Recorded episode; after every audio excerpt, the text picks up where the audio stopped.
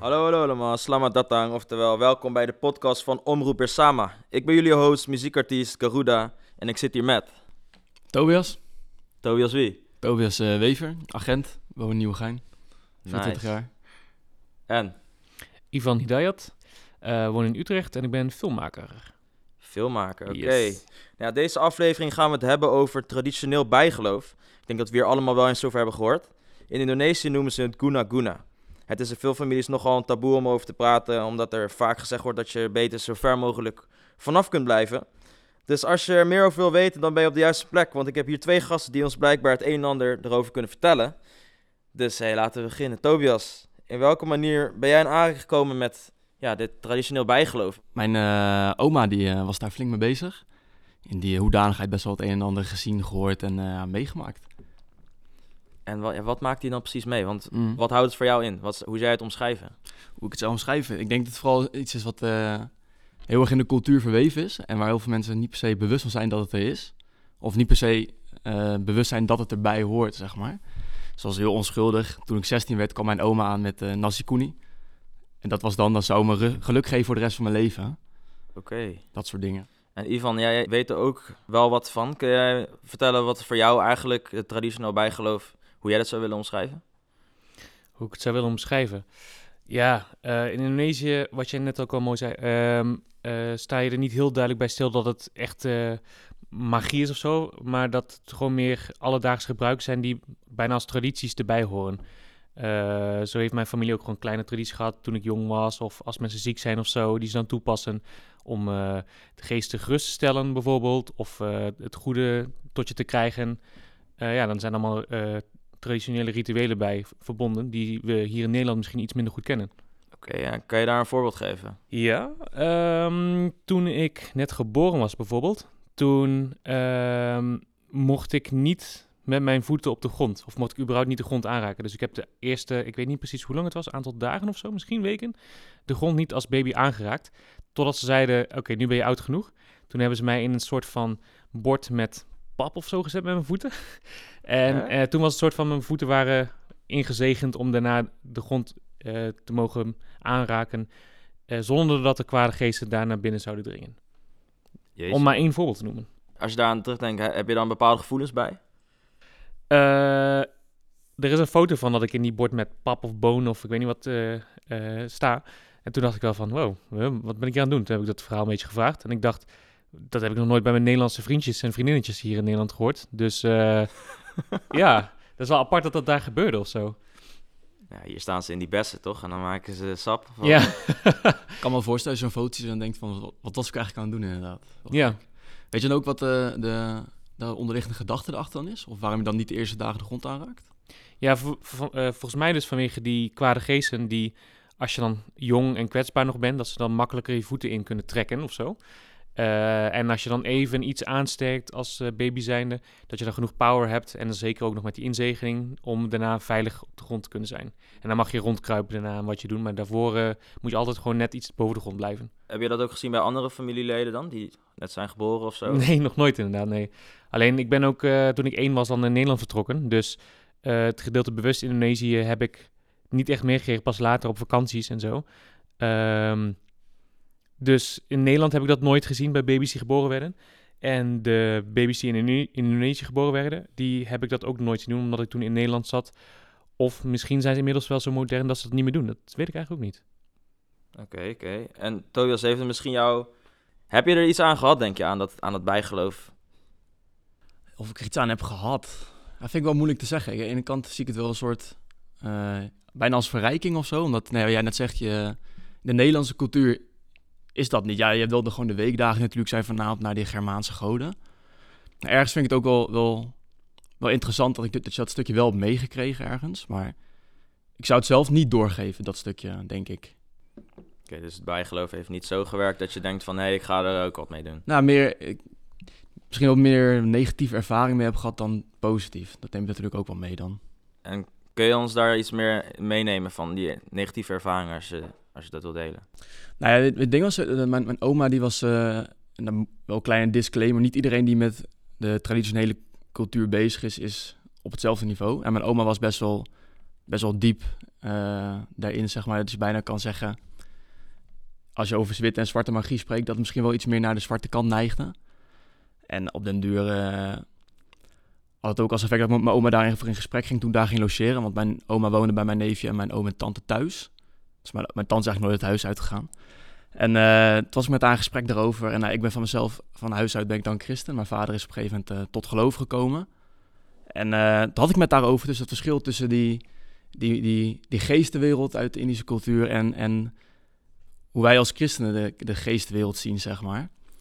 En ik weet wel, op de duur was ik bij mijn neefje op de kamer. En na dat gesprek, allemaal van die gekke gedachten in mijn hoofd. En ze hebben allemaal van die rare dingen gezegd.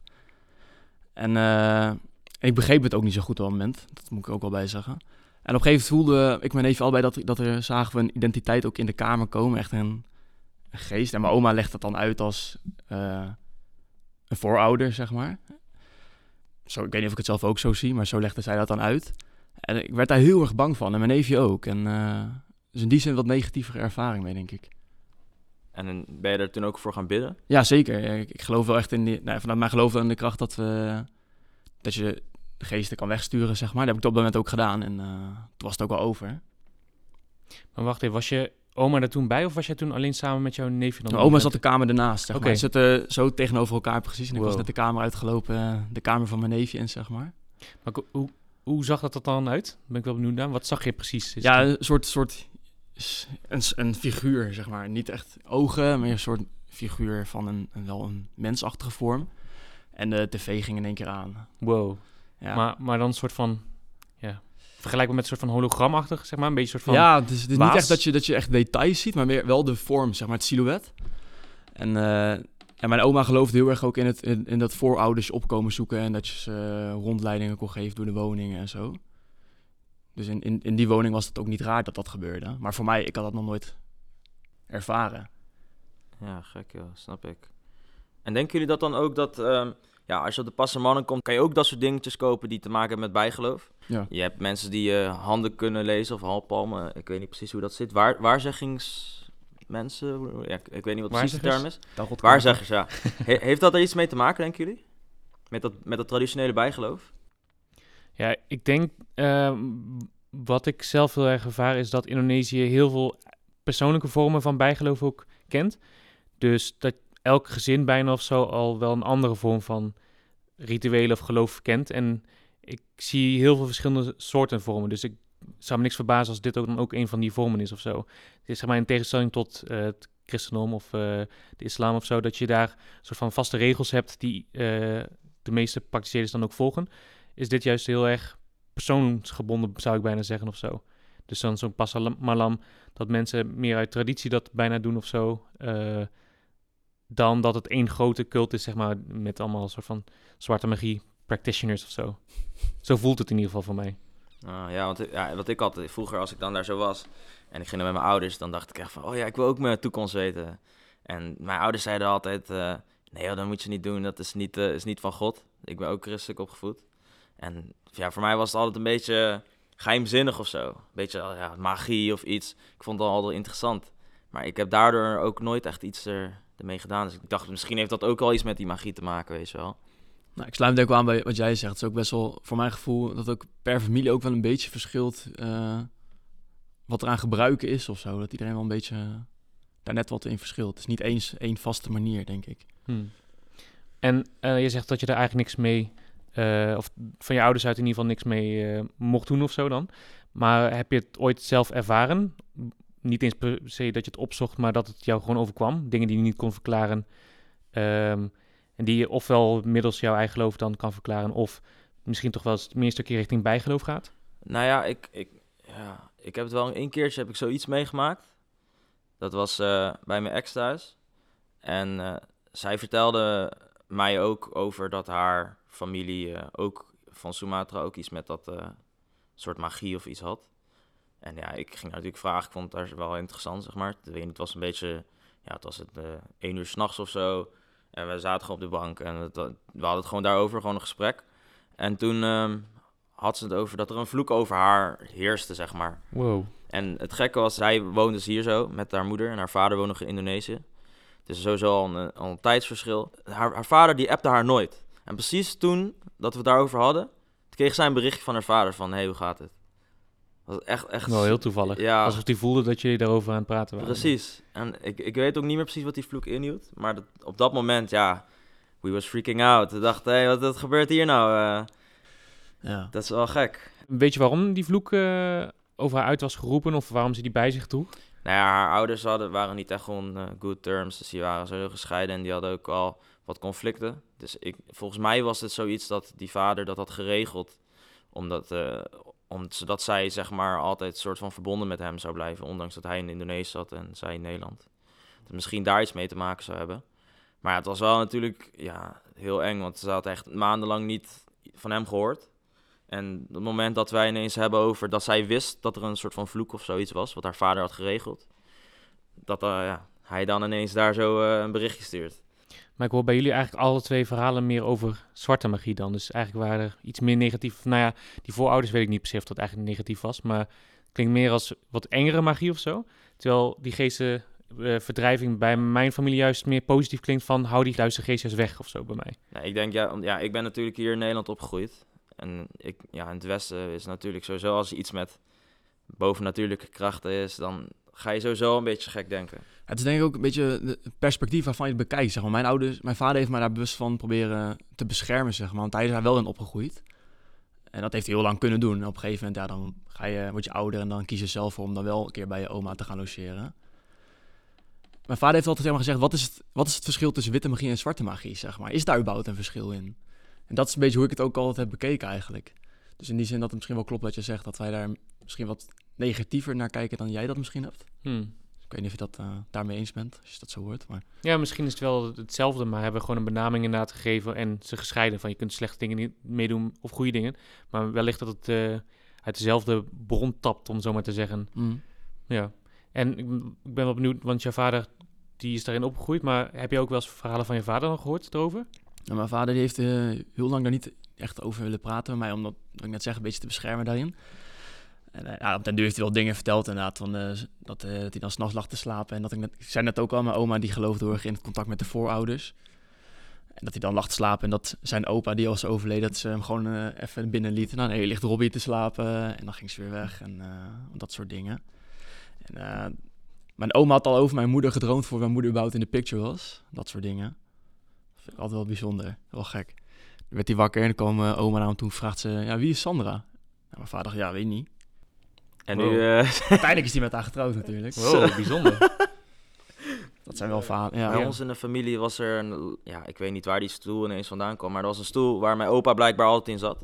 Die ging eigenlijk van huis naar huis, omdat, eh, ja, telkens als hij in iemands huis stond, degene zag dan mijn opa opeens erin of zo. Super raar. Hm. Terwijl bij ons in de familie was er nooit, zover ik weet, iets met, met, met, die, met het bijgeloof, met magie. Maar ja, ja, op een gegeven moment stond hij bij mijn neef. En eh, zijn vriendin die vertelde dat er een, eh, een jongen over de vloer was. Die wel bezig was met bijgeloof en dat soort dingetjes. En dat hij op een gegeven moment zei van... eh, ja, wie is die man die daar zit in die stoel? En er zat helemaal niemand, weet je wel. Wow. Hm. Dus dat, ja, kijk, en dan, dan als je zulke, zulke verhalen hoort... dan krijg je wel een soort van... een bepaalde soort gevoel ervan, weet je wel. Ja. En dat maakt het dan ook wel weer natuurlijk weer interessant. Want er is natuurlijk altijd meerdere kanten aan verhalen. Maar jullie, jullie, eh, jullie zijn gelovig. Hm. En jullie, hebben, jullie kiezen er wel voor om je ervoor af te sluiten, voor de bovennatuurlijke dan. Maar geloven jullie er wel? En denken jullie wel dat het bestaat, maar dat je je niet aan wil wagen, zeg maar, om daar mee bezig te zijn? Omdat het gevaarlijk is of niet past in jullie geloof. Maar zeg maar, geloven jullie wel in dat er bijgeloof is en dat het er bestaat of zo? Zeker. Ja, ik geloof wel, ja. Zeker, ja. Ik geloof zeker wel dat het er is. Zeker. ja. En ook niet, kijk, we hebben het natuurlijk over traditioneel bijgeloof. Niet elke vorm van bijgeloof is natuurlijk slecht. Absoluut niet. Maar het is dan toevallig dat dit onderwerp dan zo ter sprake komt. Maar het zijn ook dit- heel veel dingen tussen die wel gewoon weer positief zijn. Maar voor dat stukje, daar ja, hou ik mezelf niet mee bezig, bewust wel. Maar ik geloof wel dat het er is. Zeker. En die geest van jouw voorouders dan die je zag, of de voorouders die in ieder geval in het huis waren, daar ben je nog steeds van overtuigd van, dit heb ik ook echt gezien. Ja, 100%. En het is niet zo dat ik jong was en ik was een beetje dromerig of weet ik wat. Of eh, ik, door die verhalen was ik juist een beetje spannend en zag ik overal dingen of zo. Letterlijk spoken zien. Nee, 100% zeker. 100% zeker. 100% ja. Wow, dat is wel Ja. bijzonder. Ja, wat ik ook een, een interessant ding altijd vond, was de Chris. Hmm, Zag je mhm. ook al de Passamans, hè? Ja. Heb ik wel vaker over gehoord. Eh, Hm. Weet ik persoonlijk ook niet veel van. Weten jullie daar iets meer over? Heb jij zo'n ding, zo'n eh, een Chris thuis willen in de familie? Of hoe, eh, hebben We jullie hebben dat? geen eh, Chris in de familie, nee. Volgens mij was dat wel... Ik heb er laatst een beetje research naar gedaan... omdat ik een film wilde maken met Indonesische mythes eh, erin. En als ik het goed aan mijn hoofd zeg... is een Chris niet per se dat hij bepaalde waarde heeft... maar er wordt waarde aangegeven door de familie. Je kunt zeggen, dit is bescherming... Hm. of dit is juist een wapen, zeg maar echt... of, of, of dit is... eh ja, want voor de mensen die het niet weten, het is dus een soort dolk. Gekarteld zwaard zou je bijna kunnen zeggen. Ja. Een soort zigzaggend do dolk inderdaad. eh, of ja, zwaard is misschien iets te lang. Dolk inderdaad, ja. En volgens mij, traditioneel gezien, moet je hem ook op bepaalde voorwaarden maken. Je Ja. moet volgens mij de lucht erin ver- verwerken of zo. Als in, eh, sommige mensen leggen hem op, de berg, op een berg en hopen dan dat bliksem erin slaat. Of je moet hem een tijdje in de lucht houden, zodat het, ja... Zoiets geloof ik dat me kan herinneren uit mijn research. Ja, je moet ook op een bepaalde manier weer zorg voor dragen en eh, Ja, et ja, cetera. Ja, Inderdaad. Die gaat dan binnen families, wordt die dan doorgegeven of zo? Ja, vaak. Niet altijd. Je kan ze ook kopen op de markt tegenwoordig. Ja. Maar eh, bij ons in de familie werd hij wel, eh, wel doorgedragen. Mijn opa kon hem krijgen. Dan moest hij dan 40 dagen voor vasten. Hij heeft het uiteindelijk niet gedaan. Ah. Dus hij heeft hem niet gekregen uiteindelijk. ja, anders had jij er ook eentje op je kamer hangen. nou, dat weet ik niet of ik dat heb gedaan. Ja, ehm, Dan zou, dan zou mijn vader hem ook nog door moeten geven natuurlijk, hè. Ah, ja. Maxime, een andere Bersama-lid, die zegt als ze echt als ze dood is voor eh, een Chris, dat als er een Chris in de kamer is, dat ze dan niet die kamer in wil gaan eigenlijk. Dus die heeft er een veel negatiever gevoel bij. Of die wil zich gewoon helemaal niet bezighouden met het bovennatuurlijke. En naar haar mening is dat heel erg gelinkt dan aan de aanwezigheid van een Chris. Heeft zij daar ervaring mee? Of is dat gewoon puur omdat ze dingen heeft gehoord, gelezen, et cetera? Ik heb geen idee eigenlijk. Dat zou een keer aan haar zelf moeten vragen. Nou, dat is wel interessant. Ja, ik ken ook al, mijn, mijn, eh, een oom van mijn pa, die heeft uiteindelijk wel de, de, de Chris toen overgekregen. En eh, nou, die heeft uiteindelijk vertikt om er goed voor te zorgen. En toen is hij heel erg ziek geworden. En toen heeft hij hem weggedaan, toen werd hij weer beter. Dat soort Wow. hoor, je- wel vaker. Ja. Ja. Of het dan toeval is of niet, weet je wel. Dus dan toch, je gaat er wel over nadenken. Van, eh, dat het misschien toch meer is dan zomaar een, een, een dolk. Ivan, heb jij nog, nog een voorbeeld van een... Nee, jij hebt het natuurlijk op een andere manier meegemaakt. Heb jij nog wat andere, een ander voorbeeld of een ervaring met hoe het jou eigenlijk op een positieve manier heeft beïnvloed? Eh, nou, laat ik in ieder geval even zeggen dat ik, eh, of mijn ouders, die zijn islamitisch. En eh, ik was dat ooit ook, maar ik ben er zelf van afgestapt om een beetje gewoon mijn eigen weg in het leven te vinden. En wellicht dat ik eh, op een gegeven moment op een geloof terechtkom eh, waar ik me erg comfortabel bij voel en daar blijf. Of misschien blijf ik rondzwerven en pik ik hier en daar zelf dingen eh, zonder dat ik daar echt een naam aan koppel. Dus van mezelf ben ik niet super gelovig en ook niet bijgelovig eigenlijk. Totdat het op een gegeven moment misschien van gedachten verander. Ehm, maar ik heb dus wel verhalen gehoord in mijn familie bijvoorbeeld dat een neef van mij een ernstig ongeluk heeft gehad. Volgens mij dat hij geklemd was door een vrachtwagen. En dat de dokters toen zeiden, hij gaat niet overleven. Ehm, maar dat ze hem toen gebracht hebben naar een alternatieve ehm, ge- geneespersoon. Volgens mij heet dat een doekoen in het Indonesisch. en die heeft toen een, een doekoen. Die heeft toen een, eh, een worm vermalen. En daar een soort van sapje van gemaakt of zo. En toen moest hij die opdrinken. En daarna was hij gewoon weer beter. En dat is weer een voorbeeld van... niet op een negatieve manier die, die magie dan inzetten, maar op een positieve manier. Ik, ik ben er zelf niet bij geweest, dus ik kan niet eh, eh, bevestigen dat het echt is gebeurd. Maar Ja. dat soort verhalen heb ik best wel veel van eh, mijn familie in Indonesië. Ja, het klinkt misschien heel tegenstrijdig met wat ik net allemaal heb verteld, maar ik heb wel het geloof echt dat het ook echt werkt, zeg maar. Dat zulke dingen ook echt wel, dat het niet zomaar verhaald zijn, maar dat ook echt daadwerkelijk wel een soort van kracht of zo in kan zitten. Ja, is het bij jou dan wel eens gebeurd op die manier? Nou ja, niet zoals jij dat nu zegt met een, eh, een worm of zo. Maar mijn oma die deed eh, met de drukpunten, et cetera, kon ze wel, eh, als je hoofdpijn had, dat dan weg, eh, wegwerken. En hoe, hoe werkt dat dan? Drukpunten, wat zijn dat? Ja, ik heb het zelf nooit gedaan, maar ze ging dan op je drukpunten, ging ze dan masseren, zeg maar, en dan eh, afblazen. Dus dan was daar nou... En dan zou, het- zou het van je afvallen. of Ja, of je hoofdpijn ja. wegzakken, of als je ergens pijn had in een bepaald gewricht. Oké. Het is een Ja, heel kijk, fysieke manier alsof, nu eigenlijk. vuur zit branden, maar dat is... eh, Ja, ik bedoel, als ze dat nou in de westerse wereld hadden, dan... eh, Nou, ik, ik, ik, net zeggen, ik geloof wel dat dingen echt werken en dat, eh, dat er echt wel een kracht achter zit. Alleen ja, dan moet je inderdaad afvragen of je het wil of niet. En je moet er wel zelf ook voor kiezen, denk ik. En ik denk dat we in de westerse wereld sowieso best wel nuchter eigenlijk zijn. Dat we voornamelijk Sowieso. wetenschap heel erg op één hebben. Nou, niet allemaal natuurlijk, want we hebben hier ook het christendom wat groot is. Maar Mm. Ehm, toch best wel veel mensen die niet echt ergens in geloven of zo. En wat ik in Indonesië merk is dat het ook gewoon heel erg ja, in de cultuur zit verweven, maar ook zelfs in de, de grote media. Dus zoals je hier een NOS hebt, heb je in Indonesië dan ook een nieuwszender. En die had ik een keer gekeken.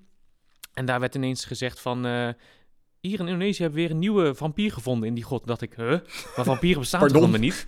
Dat is toch nep? Waarom zit een nieuwszender dit te vertellen? Maar schijnbaar is het dan voor hen net zo echt als de rest van het nieuws. Van eh, er is een eh, auto in een gebouw daar gereden en zo. En dan daar zit een vampier in die grot en eh, morgen gaat het hard regenen of zo. Zo, Morgen gaat het hard regenen. mooi voorbeeld zeg. Ja, Jeetje. Ja, gek. Ja, ja, ik denk dat ook hoor. Want nou, ja, ik ben in verschillende landen in Azië geweest.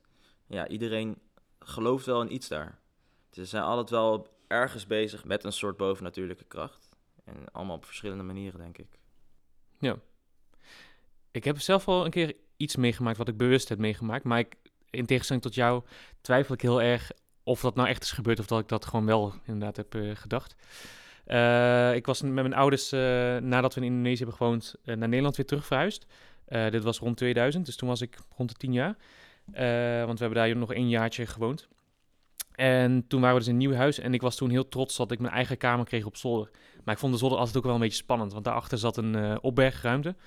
En dan dacht ik van, oeh, er zou misschien wel iets in kunnen zitten. Nou, in, in, in de eerste nacht heb ik mezelf eh, moeten overtuigen dat het niet zo was. En het was gelukkig ook niet zo. Ik heb een aantal keer gekeken.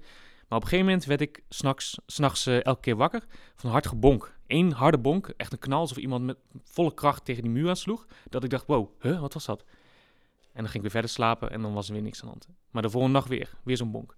En de volgende nacht weer, en de volgende nacht weer. En op een gegeven moment begon ik daaraan te wennen. Ik dacht, ja, dat zal iets met de luchtdruk zijn die daaronder zit of zo. Of iets met warmte en hout dat kraakt. Ehm, tot ik op een gegeven moment een nacht wakker werd weer van de bonk. En toen voelde ik ineens dat de lucht anders was. Ik dacht, huh, wat is dit nou weer? Dit is niet eh, de- hetzelfde. Ik kan niet meer verder slapen. Er is iets anders. En er lag een rieten mandje eh, aan de andere kant van mijn kamer. Of een mandje, eh, mat op de grond. En dan hoorde ik ineens gekraak op, op die mat. Ik dacht, wow, is er nou iemand aan het lopen? Maar ik zag dat de kamer donker was. Ik dacht, nee, dat is niet mijn ouders, want die zouden altijd de lamp aandoen. En eh, toen dacht ik, er is volgens mij iets in mijn kamer of zo. En toen keek ik onder mijn deken vandaan. En toen zag ik ergens in de verte een zwart gestalte staan. Gewoon een donkere schaduw of zo. dacht ik, holy shit, er staat echt iets eh, in mijn kamer. En toen twijfelde ik op een gegeven moment en ik dacht... Ja, maar of, of heb ik nou, ben ik nou een soort van half aan het dromen? Misschien is het niet echt. Toen keek ik weer onder mijn deken vandaan. En toen zag ik ineens recht naast mijn bed een gestalte staan... met een jas aan die met lapjes aan elkaar genaaid was... die heen en weer aan het wiggen was van de ene voet naar de andere voet. Bijna alsof je het heel koud hebt en dan een beetje aan het wiegen bent... van de ene voet naar de andere voet. Dus ik dacht, nee, dit is, dit is niet... Dit kun je niet meten. Wat, wat is dit überhaupt? Ik was super bang. Ehm, ik had niet het gevoel dat het een inbreker was of zo. Eh, maar het waren ook niet mijn ouders, dus wat stond hier dan in mijn kamer? En toen dacht ik ineens terug aan dat een Indonesische vriendin van mij had gezegd... ehm, als je ooit bang bent voor geesten of zo, eh, dan moet je je ogen dicht doen en licht om je heen visualiseren. Alsof je in een hele grote bubbel met licht zit. Dus ik dacht, oké, nou ga ik doen. Ik kroop weer onder mijn deken, was super erg aan het zweten, want ik was super bang. En ik was aan het denken, oké, bubbel met licht omheen, bubbel met licht omheen. En toen dacht ik, oké, durf ik weer te kijken? Kijken of het wel echt is. Misschien heb ik het toch wel ingebeeld. Toen ging ik een beetje onder mijn deken vandaan kijken. En er was ineens licht. Ik dacht, huh? Hoe kan dat? Dit heb ik toch alleen in mijn hoofd gedacht? En het was toen, ik denk misschien wel twee uur s'nachts of zo. Toen was mijn moeder in de kamer daarnaast eh, de was aan het ophangen of zo. En dan had ze even de lamp aangezet. En ik dacht, mijn moeder slaapt meestal om twee uur. Waarom is ze daar? Zij was niet net in mijn kamer, want dan had ik de deur wel gehoord. Dus het leek wel alsof mijn moeder opgeroepen had om het licht aan mij te geven. om die eh, enge geest te verdrijven. Ik ben de volgende dag naar school gegaan naar dat Indonesische meisje. En heb gezegd, volgens mij heb ik gisteren een geest in mijn kamer gezien. Maar door jouw techniek heb ik hem weg weten te krijgen. Om om licht te vragen. En toen zei ze, ik ga wel even voor checken bij iemand die ik ken. toen is ze later naar me teruggekomen. Toen zei ze, er was inderdaad een geest in je kamer. Hij was best opdringerig. Maar eh, we hebben nu gevraagd of hij weg kan gaan. En sindsdien eh, hoor ik nooit meer gebonk bij mijn ouders eh, in die slaapkamer. Super waar, raar, toch? Ik ben, Hoe oud was ik ben helemaal niet gelovig. Ehm, Dit was op de middelbare school al ergens. Eh, dus ik was, weet niet, rond de jaren 14, 15 of zo, denk ik. Veel te stoer om bang te zijn. Maar, ehm, en veel te, veel, te, veel te stoer om ergens nog in te geloven. Ik dacht, ja, het is allemaal nep. eh. En ik ben ook helemaal niet geloof van mezelf. Ik ben een heel nuchtere jongen, eigenlijk over het algemeen. Maar eh, dat was wel een gekke gebeurtenis toen. Maar komt dat dan een beetje naar boven omdat Tobias dat nu vertelde? Een beetje wel inderdaad, ja. Dat ik denk, oh ja, een gestalte in je kamer of zo. Ik kon niet helemaal zien wat het was. Maar ik vind het wel heel bizar dat ik bij mij wel ehm, eh, echt zo details zag als een lapjesjas, zeg maar. Een jas die gemaakt was uit lapjes stof die aan elkaar genaaid waren. Dat ik dacht, wa- waarom zie ik dit? Wie draagt zoiets? Het was zo bizar of zo.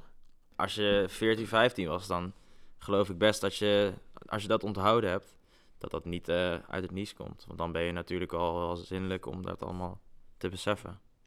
Alleen nu ben ik dus op een leeftijd dat ik dacht... Ja, maar was ik gewoon niet te veel bezig met, die, met dat meisje... over geesten na te denken zo... en ben ik ze dan niet letterlijk over aan het zien en zo? Of was er toch niet een hoop kleren in mijn kamer... omdat ik met stoel opruimde of zo? Ik ga dan altijd heel erg twijfelen, maar het was zo gedetailleerd... en was, het voelde zo gek of zo... dat ik denk, ja, zou het toch misschien echt zijn geweest? Maar als je dan na dit beetje richting het einde van het gesprek komen, heb je dan niet het gevoel van, oké ja, dit was het. Dit was gewoon een geest in mijn kamer. Ik wil er gewoon niet aan toegeven, denk ik. Want ik, ik, de wereld waar wij in leven, die wij gewoon met onze ogen kunnen zien, die vind ik, vind ik heel vertrouwd. Daar heb ik controle over. Ehm, dat is tastbaar. Daar wil ik gewoon in geloven. En het andere, misschien bestaat het wel, maar dan vind ik dat veel te eng. Want dan heb ik geen controle over. Ik kan het niet zien. Dus dan in mijn hoofd ga ik gewoon maar denken, die wereld is er gewoon niet. Ik-. Ja, en misschien wil ik het ook inderdaad gewoon niet. Inderdaad, omdat het gewoon te eng is voor mij. Mij is misschien ook wel dat ik zo overtuigd was van het feit dat, dat ik het zag. Omdat het ook wel... Vanuit mijn geloof geloof ik ook echt dat dit er is, zeg maar. En dat je dan twee kanten hebt, zeg maar. En, en dat versterkt misschien voor mij juist het gevoel dat ik denk, oké, het is echt zo. En als je dan liever in de nuchtere wereld wil blijven, dan eh, is dat misschien sowieso anders. Ja, klopt. Dan ben ik wel benieuwd hoe jullie dat zien. Maar kun je de, de Indische eh, rituelen en cultuur loszien van de geestwereld of wordt het bij elkaar? Nou ja, in Mexico hebben ze bijvoorbeeld één keer per Mexico. jaar dat ze alle doden soort van oproepen, toch? Dus Mhm. ik denk dat dat toch wel, dat heeft, ja, dat is in Mexicaanse cultuur. Maar dat is ook met geesten. Dat, Mm. dat is een hele andere plek. Ik denk dat juist als je ziet dat het op een andere plek ook gewoon zoiets is, dat het wel een algemeen ding is om de magie met geesten, zeg maar, dat het, dat, dat gepaard gaat samen. Dus ik denk dat als je het hebt over Indonesisch bijgeloof, we vallen steeds terug op dat geestengedeelte, dat er ja, toch wel iets is met, dat, met de geestelijke wereld wat best wel te maken heeft met die magie. Dus ik denk dat je dat wel samen kan zetten. Ehm, ja, ik ben nu Revolutie aan het lezen, dat boek. En ik heb geleerd dat in Indonesië best wel veel geloven langs zijn gekomen. Dus eh, eh, de islam, christendom, eh hindoeïsme, boeddhisme. En ik ben ook heel even vergeten hoe dat geloof heet. Maar dat is onder andere in Japan, waarbij ze geloven dat alles eigenlijk een ziel heeft. Een steen, een boom, een stad, een huis. Oh ja. Eh, ik denk dat ze van alles wel een beetje hebben gepikt en eigen hebben gemaakt. En in heel veel van dit soort geloven zitten ook gewoon geesten, denk ik. Dus ik denk dat dat ook eh logischerwijs dan terugkomt in Indonesië. Vandaar dat ze ook eh, maskers maken om de geestenkoning ja, gunstig te, te... Hoe dat? Ik weet even de woorden niet ervoor. Maar dat ze geestesmaskers hebben die ze daar afbeelden eh, van de geestenkoning. In de positieve zin dan. Je hebt de islam die dan natuurlijk heel groot is nu. Maar ook daarnaast nog eh, het hindoeïsme op Bali. Eh, dus ik denk zeker inderdaad dat overal verhalen van geesten en magie zullen zitten. Van alle beetjes geloof, denk ik. Oh ja. Zowel van de reizigers die er langskwamen, die er een beetje hebben achtergelaten, als intrinsiek wat de Indonesische mensen voelden in wat voortkwam uit de natuur en alle rituelen die de mensen zelf beoefenden. Ja, want er zijn heel veel eilanden en elke eiland had er zijn eigen stam. ja. En zij hebben natuurlijk ook weer een eigen dingetjes, denk ik. Dat ook nog, ja. Als we het dan samenvatten, ja, het, het, het eigenlijk het Indonesische traditionele bijgeloof, dat gaat eigenlijk dus gepaard met de geestenwereld. Als je het wil geloven. Als je het niet wil geloven, Ivan, eh, die gelooft het ook niet, maar hij heeft alsnog een leuk verhaal. ja. Toch wel een spannend verhaal. Nou ja, hey, als filmmaker misschien eh, kan je er een leuke scène mee maken. ja, misschien niet voor niets dat ik nu een film over Indonesische geesten aan het maken ben. Ondanks dat ik niet eens zo heel erg gelovig ben.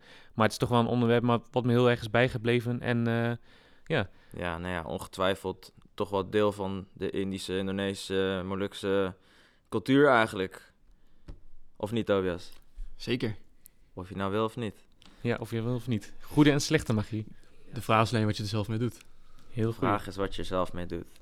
Dit was Omroep Sama. Tobias, bedankt voor het komen. Ivan, bedankt voor het komen. Dit is Garuda. Uit.